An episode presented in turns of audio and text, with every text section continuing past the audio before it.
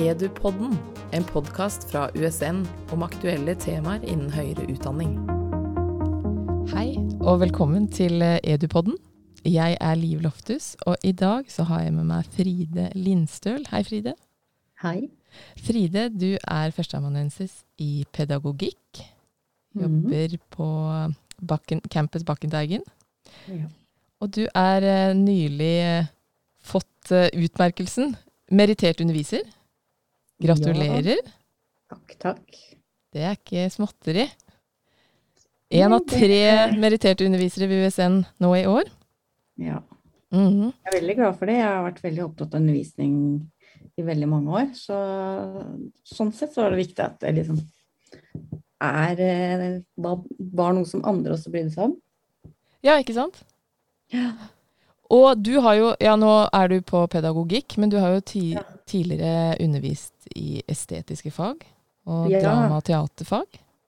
Ja, det har jeg. Jeg har vært eh, eh over 20 år på eh, Estetisk institutt på, med drama- og teaterfag. Og hatt helt fantastiske år med å undervise i estetisk, estetiske læreprosesser, blant annet. Eh, og prosjekter rundt omkring i samarbeid med skole og kultur. Mm. Men nå mm. underviser du i pedagogikk og norsk ja, didaktikk? Det gjør jeg. Mm. Men det er ikke sånn at det estetiske og dramafaglige er forsvunnet av den grunn? Nei, det Altså for meg så er jo det estetiske, da, hvis man skal si liksom Det handler jo om at det du gjør, eh, skal ha en påvirke eller berøre eller skape mening for folk. Eh, det er jo sånn hvis du ser en film og det ikke gir deg noe, så zapper du eller slutter. Det er litt sånn det estetiske er, det, og det spiller jo ofte på andre type forskjellige typer sanser, f.eks. du hører, du ser. Eh, og ofte så handler det også om at det berører emosjonelt. At du blir overraska eller glad eller sur eller syns noe er ekkelt. eller ja. Ja, Og det det er jo ikke ting som er forbeholdt eh, ett fag, men gjelder både i engelsk og norsk og matematikk og hva det ja, og jeg tenker jo litt at når du jobber med undervisning, enten du jobber med matematikk og brøk eller eh, samfunnsfaglige historiske perioder, så som lærer så handler det veldig ofte om å finne der eh, liv møter stoffet, da. Der, der, noe er Der det brenner, der det er noe som historier som du kan leve deg inn i, som du syns er interessante. Mm. Eh, og det har jeg tatt med meg når jeg jobber eh, sammen med andre faglærere, da. Ja, for nå har du jo sagt litt om det, hva du legger i det estetiske, at det følelser ja. og berører flere sanser og, og eh, mm. Men den med historien, det er jo mm viktig å trekke inn. Det er liksom interessant når du snakker om det nå, hvordan historien binder faget og gjør det kanskje mer eh, Fortellinger, tenker du? Ja. Ja. Ja. Mm. ja, absolutt. Altså, jeg tenker at det å både formidle, men også skape fortellinger sammen med studentene som Eller narrativer, da. Det gir en veldig sånn både noe felles som vi kan snakke om, men også det at det blir mer forståelig. Da. Man husker bedre historien. Man husker fragmenter, da. Mm. Så det har jeg vært veldig opptatt av. Men er det da også sånn når du sier det å skape narrativer, det, så det er ikke bare at det, du som underviser kommer med et narrativ, men at dere sammen skaper narrativer også?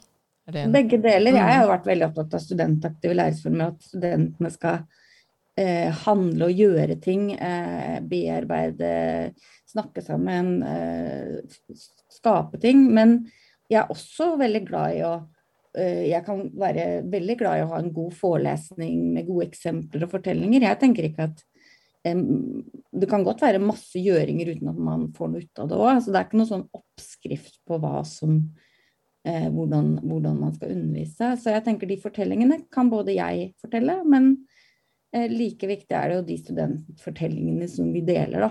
Mm. Mm. Men det her er nok et stort spørsmål, men hvordan på en måte går du fram for å jobbe med en med fortellinger og en narrativ. Og det estetiske? Mm. Eh, når jeg forbereder meg på undervisning, så pleier jeg alltid å lese litt sånn med Lese meg opp, eller se på ny forskning, eller lese eh, pensum som vi har lagt opp og sånn, og se hvor er det liksom jeg kjenner at eh, noe blir litt vanskelig, eller at noe blir litt eh, in spesielt interessant. Eller, og så prøver jeg å tenke hvilke referanser har studentene fra før? Er det noe de har opplevd? Er det noe de har erfart? Så jeg jobber veldig sånn åpent inn i det faglige innholdet. Eh, se på hvor det kan være Hvor det butter, og hvor det, hvor det, hvor det brenner, da, for å si det sånn. Mm. Og så prøver jeg å velge ut noe eh, og lage en komposisjoner, eller dramaturgier. Det betyr rett og slett sånn oppbyggingen. Eh, som starter kanskje med noe som er interessant og kan motivere, og så kanskje det blir gradvis mer komplekst da, eh, etter hvert. Så, så, jeg jobber veldig med hvor er det, det faglige innholdet og studentenes forkunnskaper og erfaringer møtes. Der prøver jeg å lete først. Men innebærer det da at du må kjenne studentene godt først? Jeg må eller? ikke det alltid. Noen mm. ganger så gjør jeg jo det, for jeg har grupper over tid. Og noen ganger gjør jeg ikke det. Men det er ikke sånn det er jo ikke sånn at jeg kan kjenne alle studentene kjempegodt, men ofte så er det jo sånn at vi Det er jo noe sånn felles med hvilke fortellinger vi syns er spennende, og hvilke eksempler vi, vi, vi berøres av. Jeg tror ikke det er sånn at det er så vanskelig mm. å, å, finne. Men selvfølgelig, når man kjenner studentene bedre, så blir det bedre å tilpasse også, da. Eh, det faglige nivået. Mm. Ja. Men du bruker begrepet dramaturgi, som jo er fra ja. drama og teatervitenskap. Ja. Eh, nå, nå, nevnte du jo litt hva det er og hvordan du bruker det til å bygge opp, men kan du liksom forklare litt grann, altså, Dramaturgi i hele undervisningsøkten, bygge opp den dramaturgisk, er det det det innebærer, eller hva? Ja, altså Dramaturgi det handler jo om komposisjon og, komposisjon, og det at deler og helheter, hvordan de settes sammen. Mm. F.eks. det betydning for hvordan et anslag er, en oppstart er, og hvordan man avslutter en økt, f.eks. Litt sånn enkelt forklart. Og når man jobber med dramaturgi, så lager man jo en dramaturgi når man planlegger en forelesning eller en visning, men så endrer den seg jo veldig ofte i møte med studentene. Mm. Og eh, da har man ulike muligheter da, innenfor dramaturgien til å komponere undervisning. F.eks. man kan ha omvendt undervisning, man kan ha stasjoner eh, mer sånn, sånn, som skjer samtidig, eller man kan ha en ganske tradisjonell eh, komposisjon som starter og lineært og bygges opp lineært en slags resonnement gjennom en økt. Eh, og når jeg jobber med dramaturgi, så, så, prøver jeg å eksperimentere litt med hvordan disse delene settes sammen.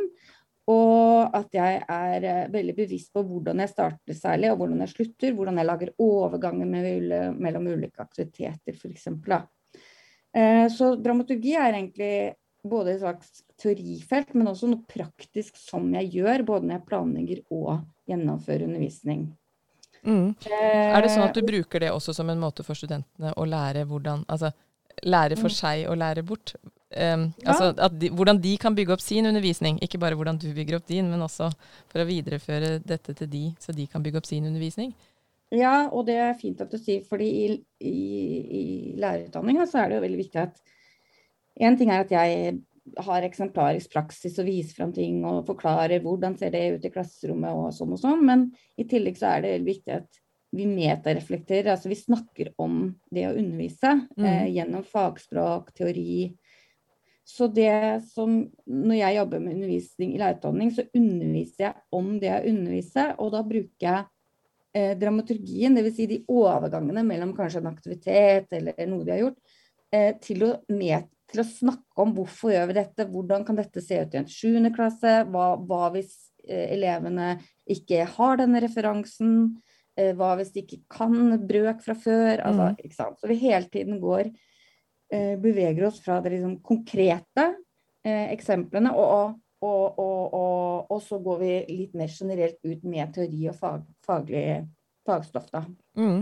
Ja, for det høres jo, når jeg hører du forteller nå, så høres det ut som en fin måte å, å bruke til å liksom, gjøre studentene bevisst på hva det vi gjør her, og, ja, og hvordan henger dette mm. og broen over til neste. At ikke det er en hel time. Hva var det som skjedde her, på en måte. Ikke en helt stor undervisningsøkt i en bolk, men at man ja. tydelig sånn deler det inn, ja. og kanskje lærer seg hvor man, hvor man kan gå, og se alternative mm. Og det er noen ganger at vi, vi som underviser, tenker at de studentene vi har, kan mer eller skjønner mer, eller har, de, har referanser som de kanskje ikke har. Da. Mm. Eh, og da kan det være eh, Og jeg blir overraska no, over noen ganger hvor eksplisitt eh, ofte jeg må være når jeg forklarer et begrep, hva er en god, er en god inngang til en tekst, eh, mm. hva, er, hva, betyr dette begrepet, at vi må ofte stoppe opp. Og det betyr jo ikke at studentene eh, er dumme, liksom, men det, men det betyr jo at de har jo ikke mange av de er særlig nye første året, har ikke vært i akademia før, de har ikke lest forskningsartikler, de er nye i lærerrollen. Det er mm. mange ting som skal læres og innvis i, da.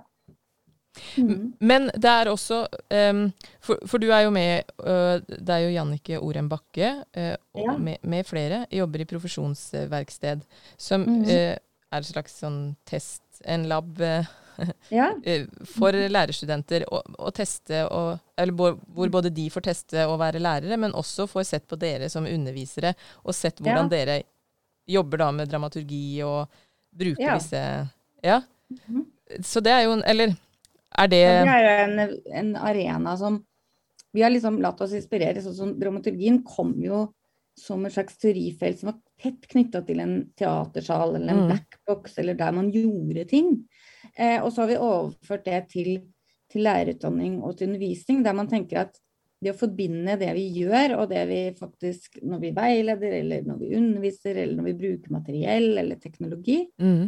prøve å gjøre og eh, reflektere, det er det vi gjør. Liksom, den komboen er det vi gjør i profesjonsverkstedet. Med studentene, og noen ganger med elever som kommer også. Der jeg, eh, vi eller, eller studentene underviser, og så observerer vi og lærer av det, da. Mm. Mm. Men for jeg snakka, når jeg snakka med Jannik, så spurte jeg henne også hvordan det Altså det at studentene kommer inn der og skal undervise, ja. og også da hvis dere jobber med dramaturgi og hvordan man legger opp forskjellige deler. Og da er man jo eh, observere hverandre og kommentere på ting som skjer. Og, eh, mm. og, det med å skape den kulturen for å gjøre det. Eh, mm. Både for liksom, studenter, men også for dere undervisere. Da. Det er jo en ganske ja. eh, sånn naken, på en måte ja. Hvordan skaper ja, det en sånn måte, kultur for det? Jeg gjør jo ikke helt elleville ting med grupper jeg ikke vet hvem er. Mm. Og jeg prøver å safe noen ganger, og så utsetter jeg meg for risiko andre ganger. Det gjør jeg. Og litt av den si, kontrakten vi har for å samarbeide i profesjonsverkstedet med studentene, med våre kolleger, med praksislærere, er å si at vet du hva, nå prøver vi noe vi ikke har gjort før.